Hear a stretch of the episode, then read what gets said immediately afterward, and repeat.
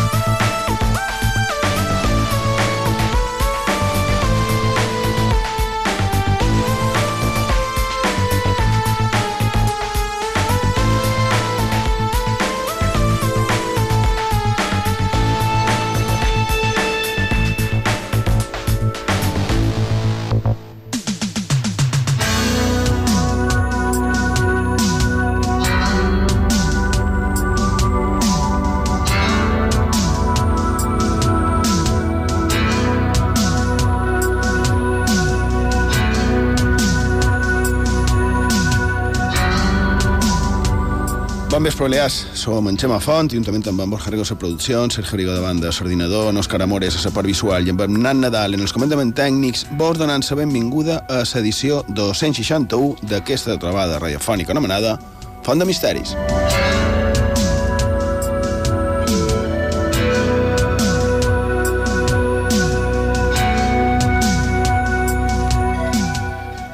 Borja Rigo, bon vespre. Bon vespre. M'has demanat el micròfon, tot teu. Sí, perquè resulta que l'altre dia, aquí la mateixa setmana, me va arribar un missatge bastant interessant en el meu WhatsApp personal i era un oient que, que mos deia el següent. Mos deia, diumenge, o sigui, això fa un poc més d'una setmana, No, no, no arriba una setmana, setmana, correcte. diumenge passat. Sí. Diumenge, damunt les 8, quan se posava el sol, hi havia un, atenció, objecte transparent a damunt la badia de Palma a l'altura del Moll Vell. Estava estàtic i només me vaig donar compte quan li va donar la llum del sol. Després el sol va baixar i va desaparèixer. I mos demana, clar, si sabem qualque cosa, si qualcú sap res, i, i de passada convidam els oients que nosaltres no sabem res més, de moment, i convidam els oients que si varen veure o saben qualque cosa damunt aquest cas tan, tan simpàtic i tan interessant que, que diguin el que vulguin.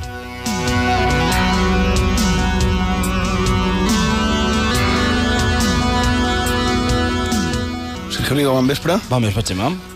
De totes maneres, aquest cas que has comentat de- d'aquesta persona que te va enviar es, es WhatsApp, no te recorda a qualcuna història d'aquestes antigues, d'aquestes del segle XVIII, del segle XIX, a més, és a plena badia de, de Palma, en aquest cas, no? I que fins i tot crec que hi ha qualcuna que estava recollida a actes notarials. No te, no te dona una miqueta aquesta sensació? Perquè, de més, se queda estàtica, etc. no? Sí, la que me ven cap és un poc anterior a lo que deies i un poc més espectacular, per lo que va implicar, suposadament, però estic xerrant d'algo estrany que va passar molt a poc dels estudis de la ràdio fa un parell de dies. Sí, no, no arriba una setmana. Fos, fos el que fos. Sí, eh, això, Sergio, això és, en, en Borja mos ho va comentar dilluns, dimarts. Dilluns, sí, sí. Més o manco, val. Sí. Sí. Uh, perfecte, idò, ho deixam així. Si qualcú té informació eh, damunt d'això, ja sigui perquè sap el que és,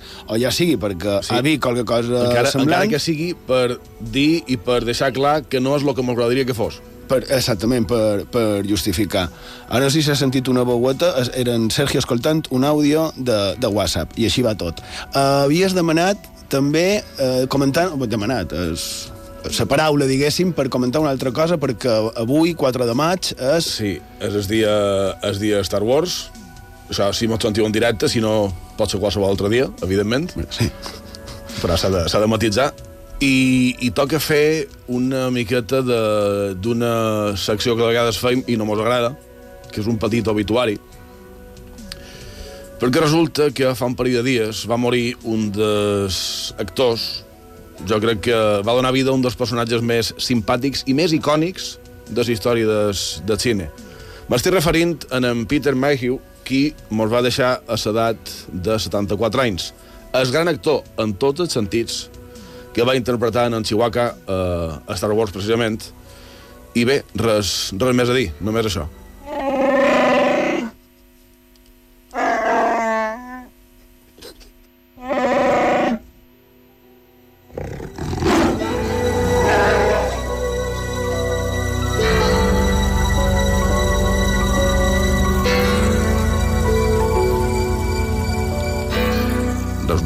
Riera com a, com a petit homenatge en, en el gran personatge. Una clocada d'ull, clar que sí, com, com ha de ser.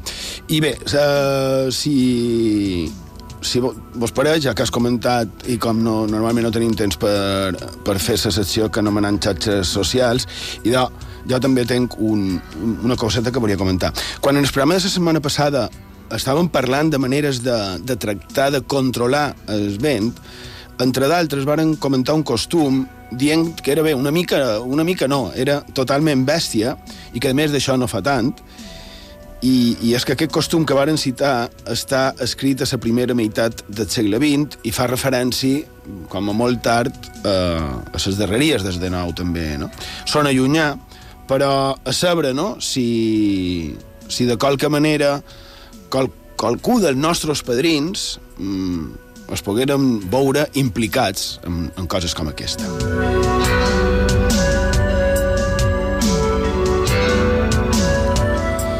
I ho dic perquè ens vareu demanar que què volia dir bailet. Mm, Així que, per si no va quedar, no va, no va quedar clar, ho tornaré a explicar molt breu. Per tal d'intentar controlar el vent al llarg del temps es feien, evidentment, s'intentaven fer moltes coses i una de les que varen comentar deia així fins a la darreria del segle passat estigué en ús per tal de matar la calma i d'aixecar el vent, fuetejar els bailets de barca o aprenents de mariner. Aquest costum sembla que perdurà més entre la marina baleàrica que no entre la continental. Antigament havia estat molt general arreu i a Duc es practicava en el vaixell del Consell, de la Mancomunitat i del Rei. Quan hi havia diversos bailets a bord, es fuetejaven ells amb ells i quan només n'hi havia un, havia de donar un nombre de voltes variables segons els casos, les quals marcaven la durada de la flagellació. Mentre corrien, els perseguia un mariner que els fotejava.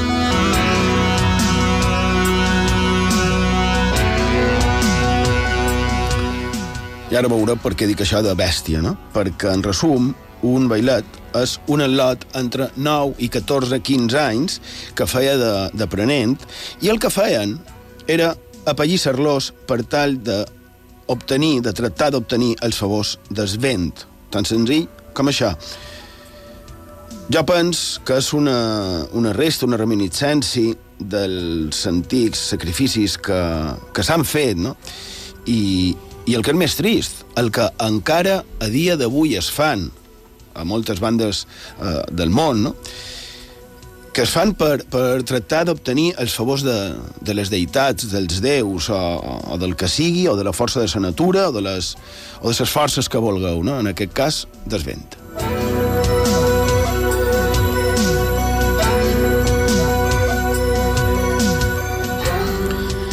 Sergio Rigo, si vols, ara podries dir què farem avui, formes de contacte, i, i començaríem. I en aquesta edició 261 de Font de Misteris ens tornem a centrar en històries relacionades amb el vent. Volem conèixer algunes de les històries i curiositats més inventats sobre aquest tema. Per això xerrarem de bruixeria i judicis per intentar dominar el vent o de sistemes per tractar de controlar-lo. Sabíeu que es creia que amb el vent es confonien els éssers malignes? Per això coneixerem un grapat d'històries, misteris i llegendes que estan relacionats amb el vent. I ja ho sabeu, si ens voleu fer arribar els vostres missatges, ho podeu fer de diferents formes. A través de Facebook i Twitter cercant Font de Misteris i empleant l'etiqueta Font de Misteris i Vitres. També a través del WhatsApp del programa. El número de contacte és 659 1669 52. Ho repetim, 659 1669 52. També en el correu electrònic fontdemisteris arroba ivetresradio.com o a Instagram cercant Font de Misteris. També podeu escoltar tots els nostres programes en el servei La Carta d'Ivetres, a ivetresradio.com, a ivox.com i a fontdemisteris.com.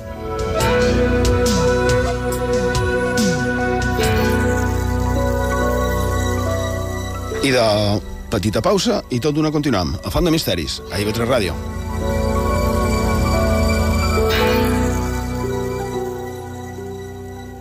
Xema Font.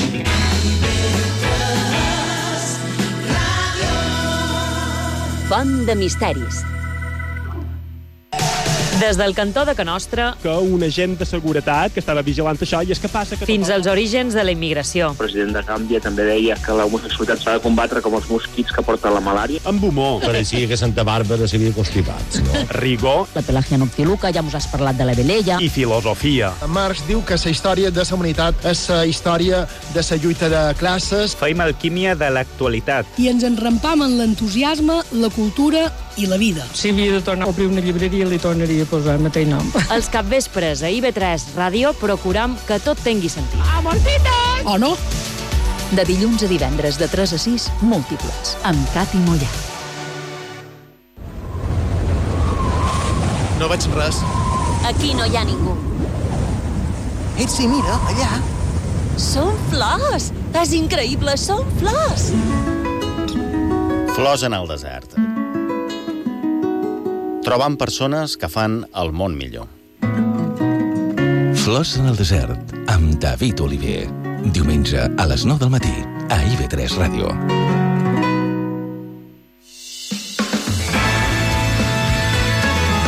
Escoltau IB3 Ràdio, la ràdio pública de les Illes Balears. A Mallorca, 106.1.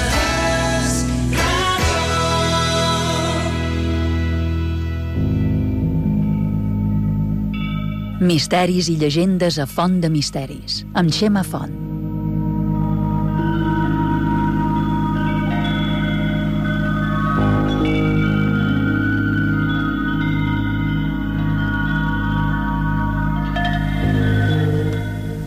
Seguim a Font de Misteris, a sintonia d'IV3 Ràdio, la ràdio pública de les Illes Balears, i, com ha dit en Sergio just, de, just abans d'aquesta petita pausa, avui seguirem amb el tema del vent.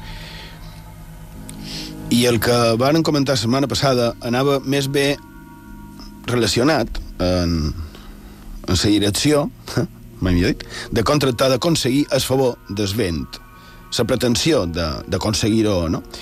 I és lògic, perquè el vent pot representar un ajut, però també un gran perill. No fa falta tampoc apro- aprofundir massa amb això. En aquest cas, la majoria dels casos seria a la mà. En el cas que diguérem del ciurell, el ciurell com a element o instrument màgic no seria a la mà, sinó que seria a, a terra. Si bufa una mica de vent, quan el vent és gra, anirà perfectament, no? és el que s'ha de menester, però si ens ve un, un fibló, el problema serà majúscul, evidentment. I és que un fibló, un fibló en si mateix, és tot un problema, ja sigui a la pagesia, a la ciutat o a la mà. Això, sens dubte.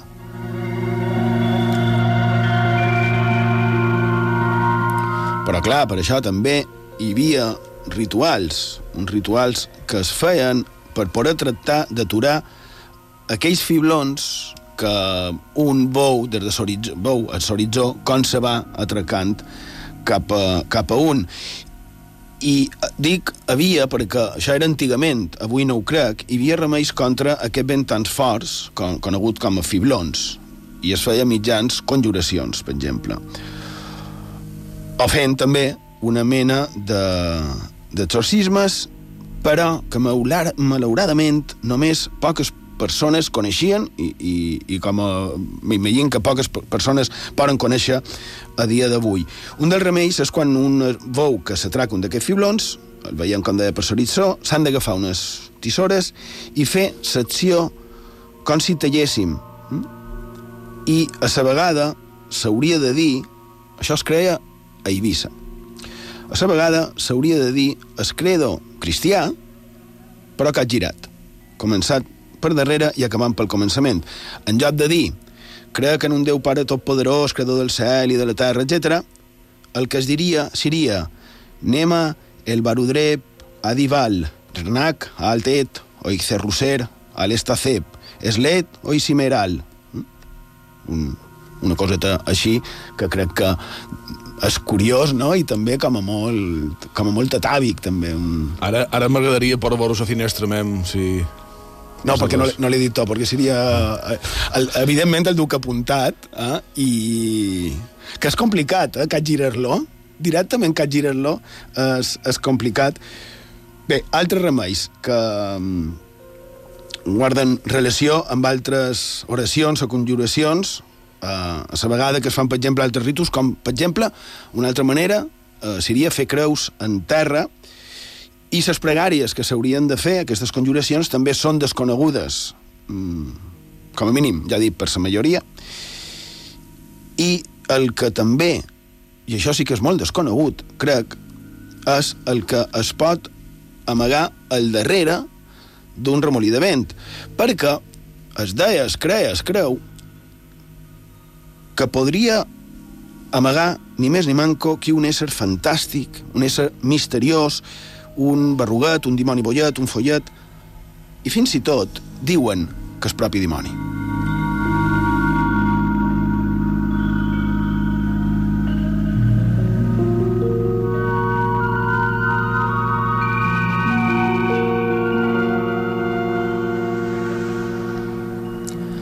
Tal vegada, no ho sé, però tal vegada aquesta possibilitat de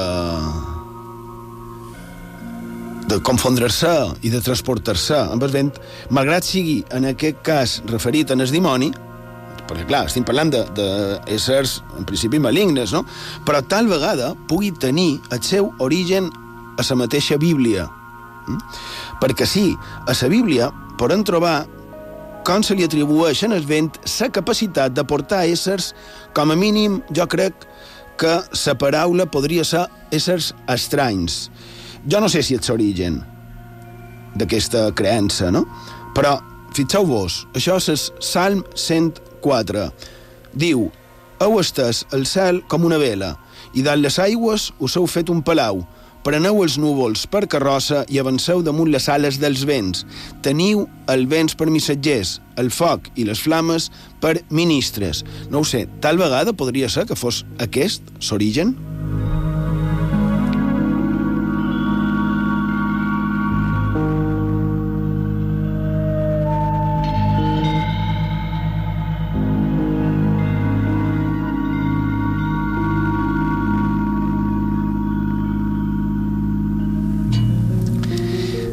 Bé, en qualsevol cas, eh, això també està recollit dins les nostres tradicions. No només les nostres, també altres indrets, amb éssers semblants, semblants, vull que entengueu quan dic semblants, no? però semblants eh, en els nostres, també, aquí, aquí. Nostres, mm, no sé com dir-ho, de, de tot arreu, és que no sé ben bé com dir-ho, però que de tant en tant trobam recuperades per alguns autors. I com no, evidentment, entre ells en Carlos Garrido, en aquest cas en el seu Eivissa Màgica, que a la seva vegada es refereix a en Marià Torres i ho diu ben clar. Diu en Carlos Garrido a Eivissa Màgica quan ens parla dels berruguets. Això està a la plana 141. Finalmente el llamado follet no está tan caracterizado en la memoria popular. Dice María Torres que, en principi, és també invisible i sol tenir alguna relació amb els infants petits. Sol manifestar-se sempre durant la nit i en moments de somni, provocant estats de nerviosisme i d'insomni. Tothom coincideix a dir que es mou amb el vent en remolins i que vola.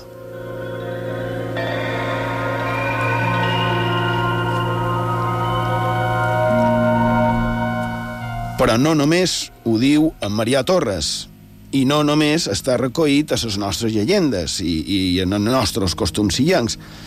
Ja deia, està arreu, per exemple, els, en els tuaregs hi ha un ésser semblant, que són els Kelesov, o qualque cosa parescuda en els geckos bascs. Es, perdona, els, els Kelesov aquests són, serien una espècie de, de gins, no? Des, aquests éssers de... Algo semblant. Sí, més o mancos, que tampoc sé molt bé com, fins quin punt se podrien definir, no? perquè després, segons cap a on ho miris o cap a on ho deixis de mirar, té unes particularitats, entendria unes altres, no? És el mateix quan entrem en, els, en el tema dels berruguets, dels follets o dels dimonis boiats, i aquí s'ho pren més, més com a cosa... Còmica. Còmica, mm. i, i sí, simplement folclòrica, i després hi ha gent que li tenia eh, un cert respecte i una certa por i li atribuïa certes coses, no? No és el mateix atribuir eh, en el els follets que, que, te la, que puguin fer destrosses verdaderament serioses, com, com deies, eh, a la nostra tradició, per exemple, amagar la sal que tampoc eh, era una guitza antigament. No és tan greu. Sí, exactament. Per, per no, molt... però sí que, sí que és curiós mirar seguir la pista en aquests éssers tuaregs, perquè per aventura podrien ser fins i tot més antics que la referència a la Bíblia d'abans. Seria interessant. I de, ja tens trull. Ja saps el que has de fer. Te fa posar... Eh, ara t'apuntes el, nom, el nom, que és Souf, eh, i, i ja està. Però sí, és, és curiós i, i que també això que deia d'aquesta presència eh, en els infants del vespre, que això es repeteix també, no? Eh, estem parlant d'aquests nervis, d'aquests insomnis infantils, no? I, I aquí hi ha qui ho podria atribuir a que seria la causa per la qual els nins de bressol o, o, o de pocs anys es desperten es vespre, la matinada, senyalen un punt determinat, ploren, mostren nerviosisme, com si estiguessin veient qualque cosa, com si realment, dins la seva cambra, hi pogués haver qualque presència estranya.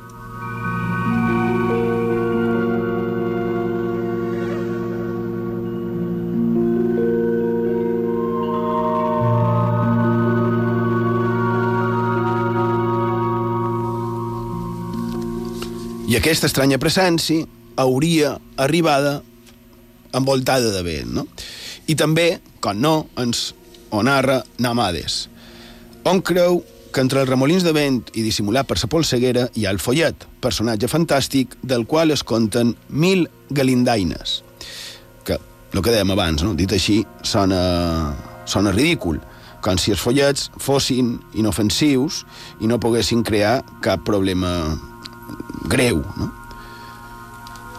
Però és que a més el millor això se pot complicar, perquè hi ha qui diu que el que va envoltat amb el vent no seria una, una figura que, com dit, mm, a part de còmica, fins i tot queda com a, com a simpàtica, no? com, com el follet, sinó que hi havia qui opinava que el que volava embolicat, enredat, com fos amb el vent, era el propi diable. No estem parlant del dimoni com a figura folclòrica. Ens referim en el diable com és maligne. I per això, també, quan bufa molt de vent, un vent de mil demonis, supos que, que estiria bé dir-ho així, i de, quan bufa molt de vent és el propi diable, que, entre d'altres, el que intenta, quan hi ha tant de vent que te tomba, no? que te'n deixa tombar-te, precisament el que vol és empenyar-te cap a l'infern, no? I si vos trobau amb aquesta situació, com sempre hi ha remeis, en aquest cas la solució seria senyar-te per evitar-ho. Eh? Ja sigui d'un vent que, que dugui es, es diable dins ell o un vent que només pugui dur a dintre un simple follet, però que en qualsevol cas sempre aniria acompanyat de vent.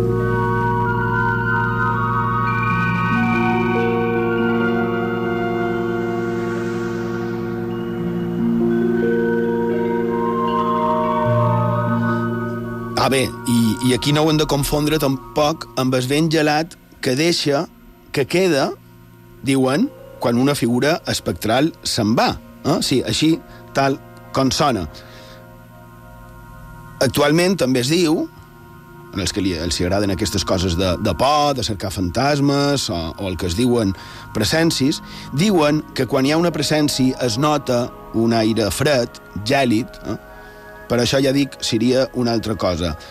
Anem amb el que, amb el que deia abans, anam enrere en els temps, anam en Catalina Floreta, la bruixa del segle XVII, que és tot una, una recopilació de coses increïbles. De fet, cada vegada que hi ha coses relacionades amb bruixeria, en, en màgia, en encisor i en fatilleries, anam en el llibre d'en Proens, de no. Floreta, no. o bé a les actes de la Inquisició, on també molt la trobam. De Floreta si, si quan... Crec que va ser la setmana passada, que xerraven de Sant Vicent Ferrer com a gran clàssic a Font de Misteris. No Floreta també té un paper bastant important. Sí, és un, és un referent, eh? És un... hi ha un parell de referents que, que sempre van molt bé. Has de fer rànquing, Xema. Sí. Com dir fa un parell de I de, setmanes. mentre ell cerca lo dels follets el tuaregs, tu te poses amb els rànquings. I de, i de deien que en, eh, en la Floreta, en el llibre de Caterina Floreta, ens diu que una figura negra i gran se li, li va compareixer, li va aparèixer a la bruixa i li va manar que fes un, un ritus determinat. I un pic dit, dit això, aquesta figura negra, grossa, eh, desaparegué amb un soroll fresc i deixant un vent gelat.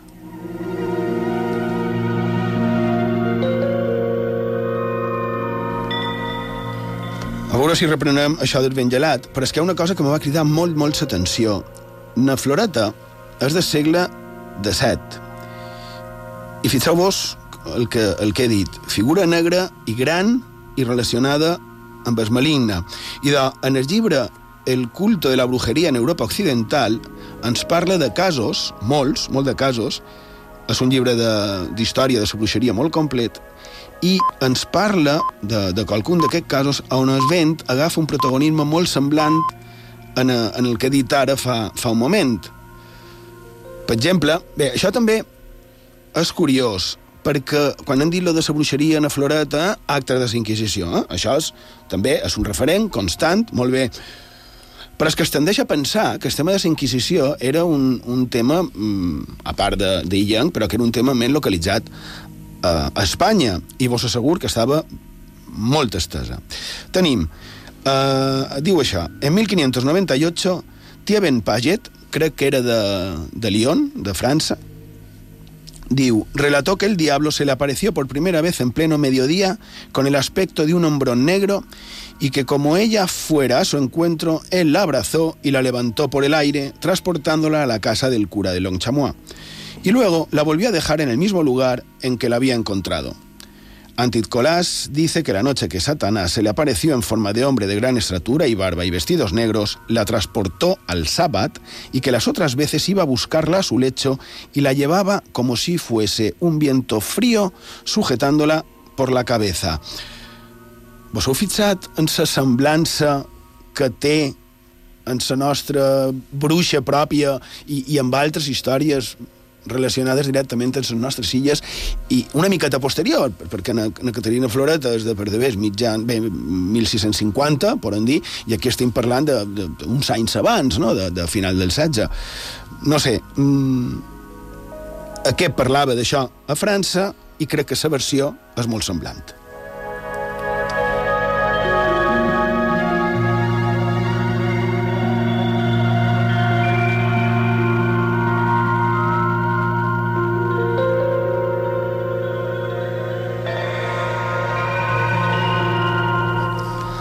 Però això ho deia per una altra cosa, no pas vent en si mateix, sinó que en el cas dels nostres éssers fantàstic, fantàstics, el que es deia era que es movien molt ràpid d'un lloc a l'altre i que ho feien amb, amb el vent.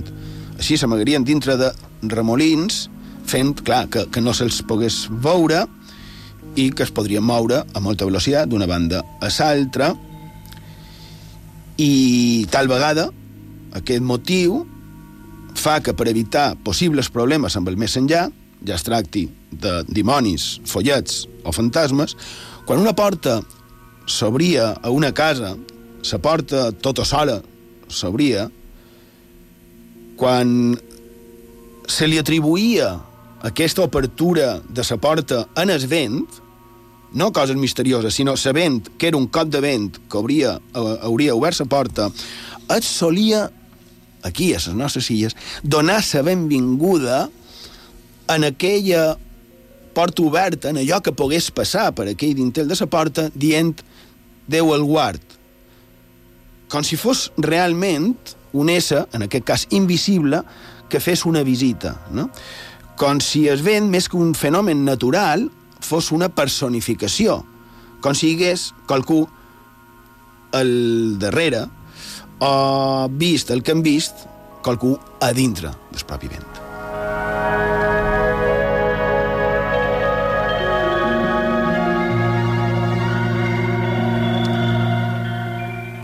Hi ha més casos, un altre, en, anem cap a terra, una de les millors pors dels pastors era el vent, no només pel possible mal que feia en si mateix, sinó perquè també creien, eh, els pastors també ho pensaven, que enmig del vent hi anava el dimoni. Però és que, a més, aquest vent, quan arribava en el bestiar, l'endimoniava. I fins i tot creien que el matava. És molt curiós, això. I, i a, bé, a part de tot això, que cantessin cançons per tal de mainar el vent, altres tipus de, de conjuracions, al cap i a la fi. I és que el vent ja ha quedat clar que ha estat, i pot ser que encara, encara ho estigui, no? Està associat directament en el dimoni, en els éssers de l'altra banda i, i a tot allò que es coneix com el més enllà, per resumir-ho. Però aquesta vinculació, Borja, aquesta que has trobat, crec que és encara més sorprenent que tot el que he dit. I doncs, si voleu, anem a l'any 1702 a Sicília. En els gols de, de Noto, el mariner francès, el comte Claude de Forbent, el cap de l'esquadra naval del rei Lluís XIV va ser testimoni d'un fet, sí, realment ben estrany. Va ser nocturnament sorprès, podríem dir, per un objecte lluminós, una bolla de foc, i bé, aquest objecte va volar per damunt de la seva esquadra sense, segons pareix, veure-se afectat, i això, evidentment, té molta veure en el tema d'avui, pels grans vents, la pluja i la tempesta desfermada sobre la costa siciliana, i la mà que separa Silla de, de Reina de Nàpols. El testimoni del comte de Forbent és clau. Era en aquell moment un oficial de la Marina Real de 45 anys, molt sèrio, aplicat, molt valent i, evidentment, gens donat a contar fantasioses anècdotes a les seves memòries. En aquest precís moment era el capità d'una fregata de 16 canons, el Galatea, i tenia per missió creuar l'Adriàtic per interceptar les ajudes i reforços militars destinats en el príncep Eugeni de Savoia, sortits de la costa de Croàcia. De fet, el seu testimoni és ratificat per el seu company de viatges, en, en Cleron, en el comandament de la segona nau de vuit canons, és, és gentil. Però anem en so, en so cas. Donada sa mala mà en aquest inici d'hivern de 1702, la seva partida d'esport francès de, de Toló havia estat accidentada per culpa de les inclemències. Eh, anaven de ruta cap a, cap a Brindisi i troben refugi, com deia, en els gols de, de Noto. Durant, imagineu, dues hores, aquella bolla lluminosa que brillava com un sol en plena nit, de tal manera, que diu la crònica, que se podia llegir còmodament una carta va romandre per damunt de les seves naus insensible, completament insensible en els forts, en els fortíssims vents de la tempesta. Després se va apagar lentament per desaparèixer en el firmament. Per lo que apareix, se dedueix en el, en el text que l'objecte lluminós tenia, imagineu, la mida d'una lluna i surava per davall els nígols. I la pregunta, eh, clar, és, és evident. Què devia ser allò que era capaç de no immutar-se ni una miqueta davant un vendaval que era capaç d'amenaçar amb enfonsar una esquadra sencera.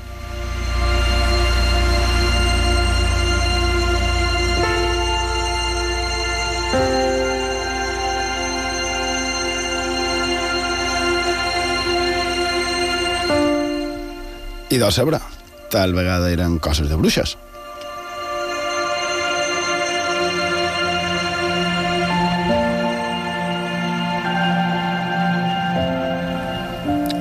Sí, a lo millor era una altra cosa, ja ho sé, i sé que sona ridícul, coses de bruixes, però si abans han citat la Inquisició i, i les bruixes, i sempre relacionat amb el vent, la setmana passada també diguérem com podria ser que es fes per conjurar i controlar el vent. I de aquesta història, com sempre està tot relacionat, eh? um, aquesta història és increïble a la vegada que també dramàtica. L'any 1590 va ser jutjat un home a Escòcia, en John Fian, i ho va ser per les seves incursions dins el món del que actualment denominaríem satanisme i el que també es coneix també com a bruixeria. Va ser jutjat por haber desencadenado vientos cuando el rey navegaba hacia Dinamarca y por haber enviado una carta a Marion Lincap de Leith relacionada con este propósito mediante la cual le ordenaba que se reuniera con él y los demás junto al mar dentro de cinco días i excitaven el joc d'aquesta reunió havia de ser en el lloc que ells anomenaven d'en Satanàs.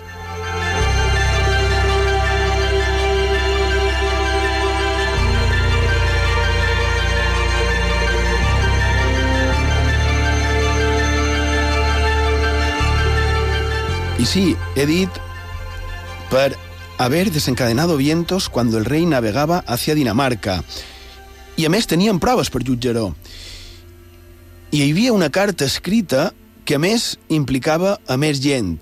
En aquest cas, a una dona que va ser sujeta a proceso i convicta de la entrega de una carta que John Fian, no sé si se pronuncia així, funcionario, escribió en el trascuarto de la casa de George Mutis en Preston Pans, que és una localitat petitigua que hi ha a Escòcia, estando acompañado de la sirvienta de dicha casa, Jaylis Duncan, y otras ocho personas, quienes acordaron allí provocar una tempestad para impedir el regreso de la reina a Escòcia. Mm?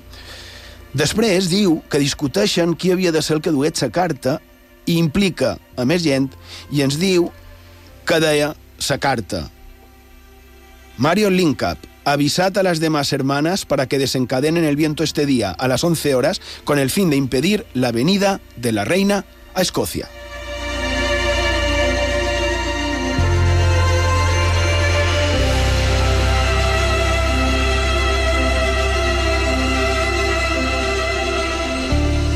Cadascun dels membres d'aquella conspiració tenia la seva missió, el seu comès, i seva idea era aconseguir que el vent ocasionés una una tempesta, però diu universal en el mar, amb aquestes paraules, i ens explica, ens, ens indica, mm, mos diu, només indicaré una part del ritual per poder aconseguir aquest vent, perquè deien que era tirant un moix a la mà.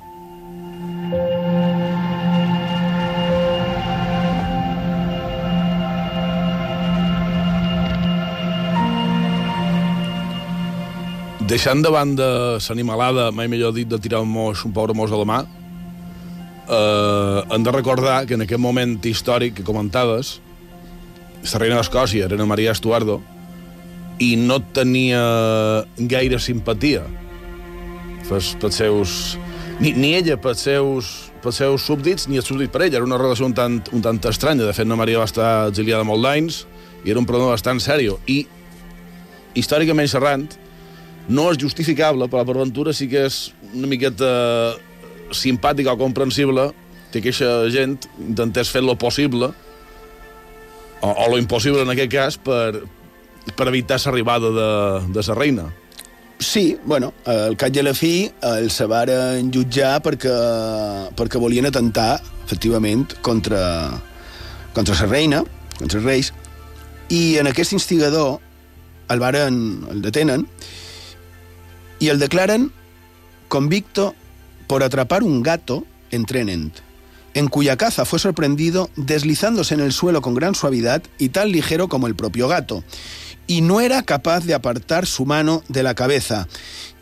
Y cuando se le preguntó para qué cazaba el gato, respondió que en una conversación mantenida en Brumhoilis, que aquí de una observança, això que estic contant està estret d'un llibre d'història de la bruixeria. És un llibre actual.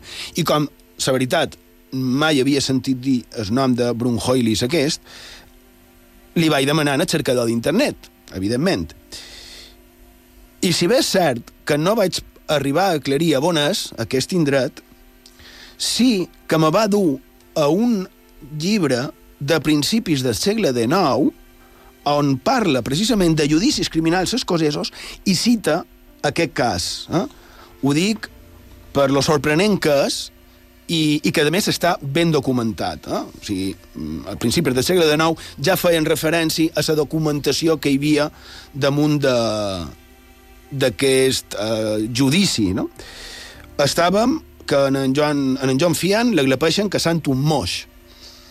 Però, clar, eh, el caçava amb finalitats bruixerils i l'explicació que dona mm, diu que ells eh, es reunien y que allá, en esta reunión, Satanás mandó a todos los allí presentes que cazaran gatos. Y él, John Fian, por obedecerle, atrapó a aquel, para arrojarlo al mar con el objeto de que se levantaran vientos para la destrucción de barcos y botes.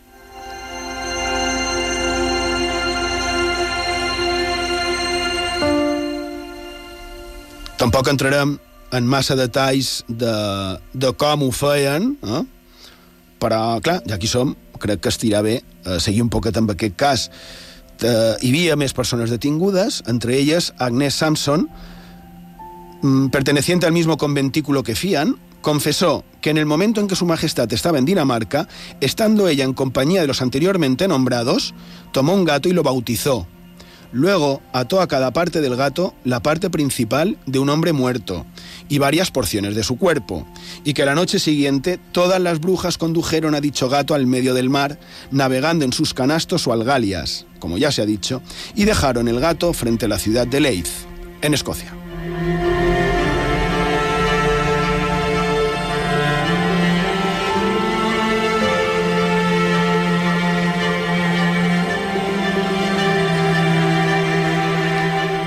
Imagineu, és com a molt absurd, no? molt surrealista, realment. Què té que veure tirar un moix a l'aigua? I bé, i, uh, no, la pregunta seria què té que veure un moix en tot això, no? Per jo, uh, i a vegades ho he dit, és com el cavall del comte mal, que què té que veure el cavall amb el comte mal? Quina mal i fet havia fet el pobre cavall per haver no de demorar... De efectivament, o, o els cants del vent del caçador, que no sé si, no sé si han comptat el vent del caçador, crec que no. Bé, no eh, a lo millor haurem de seguir parlant de vents. Eh, en qualsevol cas, que tenen que veure els moixets en tot això i com acaba aquesta història?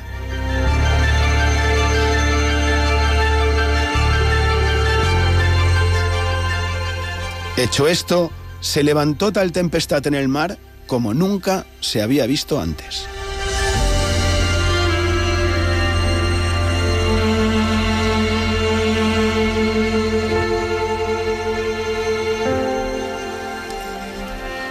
I després d'haver fet aquell suposat judici, després d'haver aportat proves, varen ser declarats culpables de conspiració, per, perquè varen tractar d'atemptar contra els reis, varen ser acusats, aquí ve el més sorprenent, el més sorprenent de tot per jo, varen ser acusats d'haver aixecat forts vents, i com acaba? I de que varen ser condemnats a mort.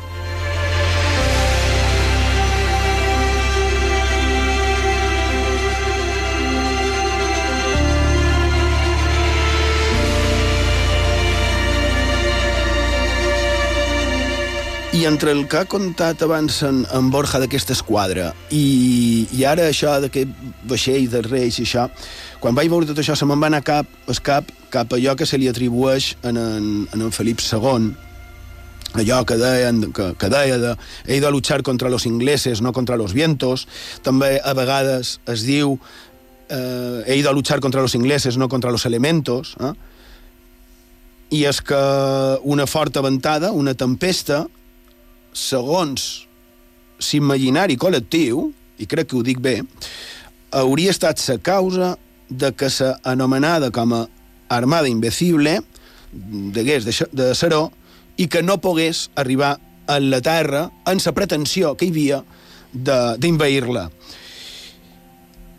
I va volar aquestes coses, no? Va voler la casualitat que un dels darrers llibres que, que està fuetjant per, per, per, per fuetjar, hagi estat és divertit, instructiu i totalment recomanable el Menudas Historia Menudas històries de la història de Nieves con Costrina, molt divertit, ja ho dic, recomanable, i damunt d'això ens diu El objetivo de la Gran Armada era, era recoger en Flandes a 30.000 soldados y de allí partir para invadir Inglaterra y derrocar a la reina Isabel I. Pero claro, para llegar a Flandes había que atravesar el Canal de la Mancha, y en los planes españoles estaba hacerlo con disimulo, como mirando para otro lado, para llegar a Flandes y embarcar a los soldados. Primer fallo. Los ingleses no son imbéciles. Segundo fallo. Es imposible que 127 barcos en comandita pasen por el Canal de la Mancha sin ser vistos. Tercer fallo. Los soldados de Flandes no estaven preparats. Bé, afegeix que l'expedició era tractada com una creuada, però que els anglesos nos dieron la del pulpo. La mala pericia en la navegación, porque Felipe II puso al frente de la Armada al tipo más torpe del reino, Alonso Pérez de Guzmán, séptimo duque de Medina Sidonia. Una pésima planificación y unas cuantas borrascas inoportunas dieron al traste con la expedición. De ahí la famosa excusa, excusa que se le atribuyó a Felipe II diciendo que él había enviado a sus naves a pelear contra los hombres, no contra los vientos y las olas de Dios. Pero Felipe II nunca dijo esto, porque se percató de que ni teniendo como aliado al anticiclón de las Azores hubiera podido invadir Inglaterra.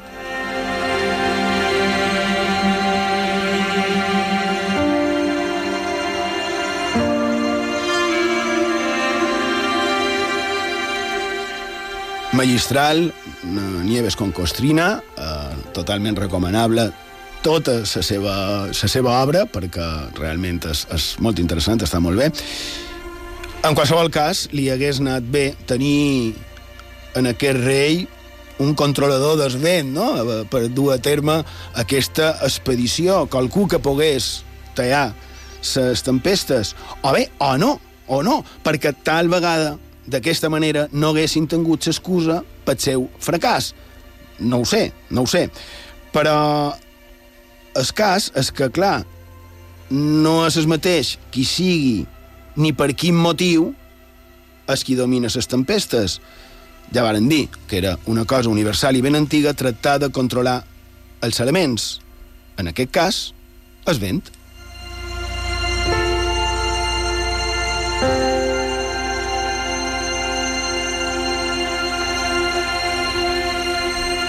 No és el mateix, he dit, qui sigui ni per quin motiu qui domina les tempestes. Estàvem parlant també de, de que es va fer això en forma de, de creuada, és a dir, amb una base, amb un motiu, amb una justificació religiosa. Clar, en aquest cas és perquè la reina d'Anglaterra era protestant i, clar, també la religió formava, forma, fins i tot a dia d'avui, una, una part molt, molt important, no? I fins i tot això també ho podem veure amb el tema del vent. Tant com que el propi Jesús havia controlat una tempesta.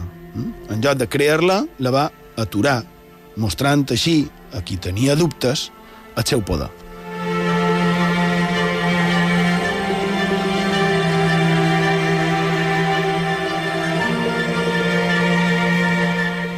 Aquell mateix dia, al cap vespre, Jesús digué en els deixebles «Passem a l'altra vorera». Deixaren, doncs, la gent i se l'endugueren en la mateixa la barca on es trobava. De vora ells seguien també altres barques. Mentrestant, s'aixecà un gran temporal, un vent tan fort que les onades caien damunt la barca i l'anaven omplint. Jesús era a popa, dormint, amb el cap reclinat a un coixí. Ells el cridaren i li diuen «Mestre, no veus que ens enfonsam?» Jesús es desvetllà, renyà el vent i digué a l'aigua «Calla i estigués quieta. El vent amainà i seguí una gran bonança. Després els digué «Per què sou tan porucs? Encara no teniu fe?» Ells, plens de respecte, es preguntaven l'un a l'altre «Qui és aquest que fins i tot el vent i l'aigua l'obeixen?»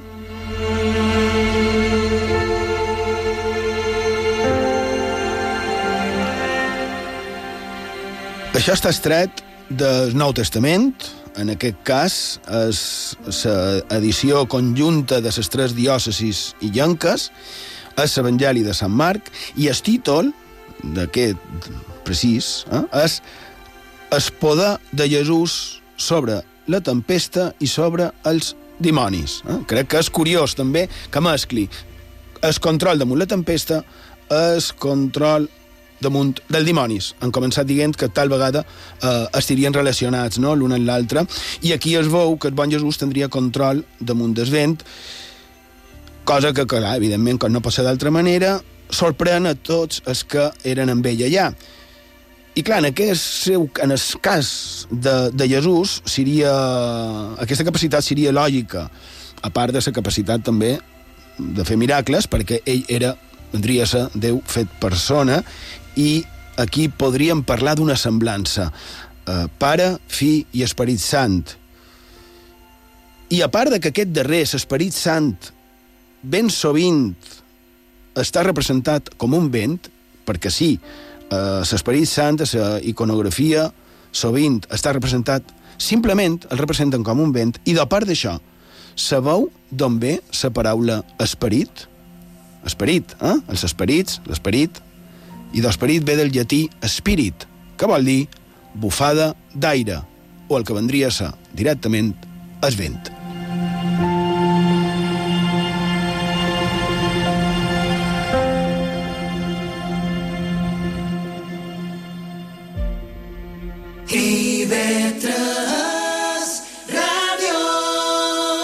És història. Cada dia, quan manquen 5 minuts per les 9, mirant l'actualitat des d'una altra perspectiva. Fins i tot amb la victòria del Barça, imagino que també la duràs per allà, no? Bon dia, sí, després de passar ho comentarem. Eh, la segunda ya tal. Claro que sí, guapi. La vidente Esperanza Aguirre va tuitejar. Sería con unas velas negras. Quieren, quieren catalanizar las islas. No, no, no, és que ja no tenim més talls. Ja. No tenim el tall. Como que no tenim el tall. Jo en la meva vida hi he vist una cosa més putre mai. La Picolíssima, a l'informatiu matí d'IV3 Ràdio.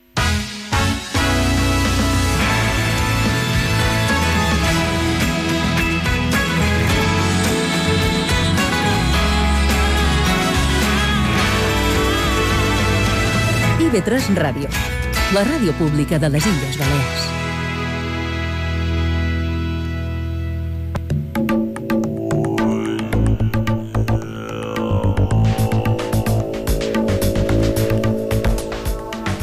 I hem arribat a la fi del programa d'avui. Esperem que hagueu passat una estona agradable i que hagueu pogut treure qualque cosa de profit d'aquesta font de misteris.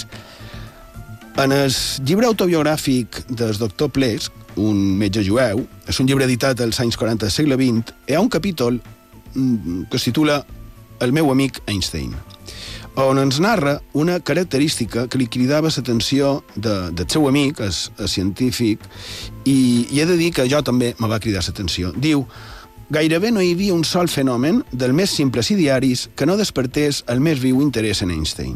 En recordo que passejàvem un dia plegats i feia força vent. De sobte, ell va dir, sabeu, m'agradaria tenir encara que fos la idea més dèbil del que és el vent. I aleshores m'adreçar una dissertació tractant d'esbrinar tot el que podria ser el vent. I crec que és curiós, que és interessant fixar-s'hi. El mateix ples que ens ho indica. Qualsevol altre s'hagués donat per satisfet en qualsevol explicació. Jo mateix ho hagués fet. No? El vent és un fenomen natural, res més. Però fixeu-vos tot el que ha sortit a, al darrere, no? amb aquests dos, dos programes i, que, i els que farem. Crec que és un, un bon exemple. Si Einstein s'interessava, es preocupava, es qüestionava, cercava, si no s'adonava per satisfet en res, que no han de fer la resta, no? ordinaris mortals. Crec que com utopia de gairebé la mitjanit del dissabte i 3 Ràdio, estaria bé que miressin de ser més objectius, que no ho donen tot per suposat, que ens facem preguntes i que ens plantegem altres opcions, que cerquem la veritat, que cerquem el que ha darrere de quelcom tan senzill com pot ser una bufada de vent. Interpretada per Noyan Baez, Whistle Down the Wind, Siulant el vent. Hagi Pau, bona nit, gràcies per la vostra companyia i fins la setmana que ve.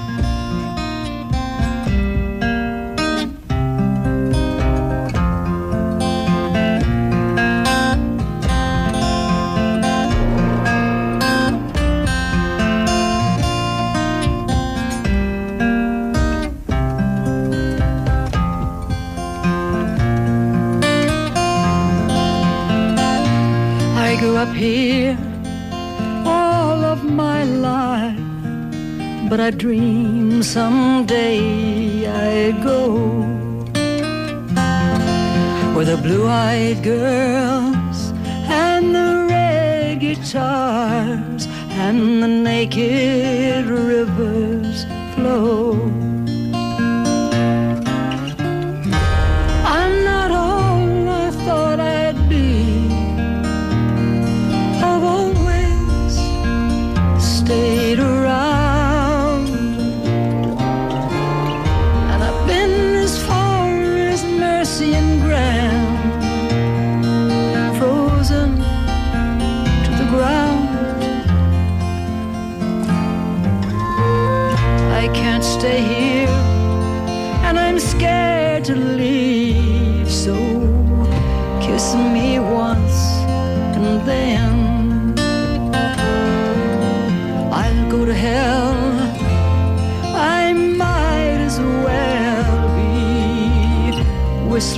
Down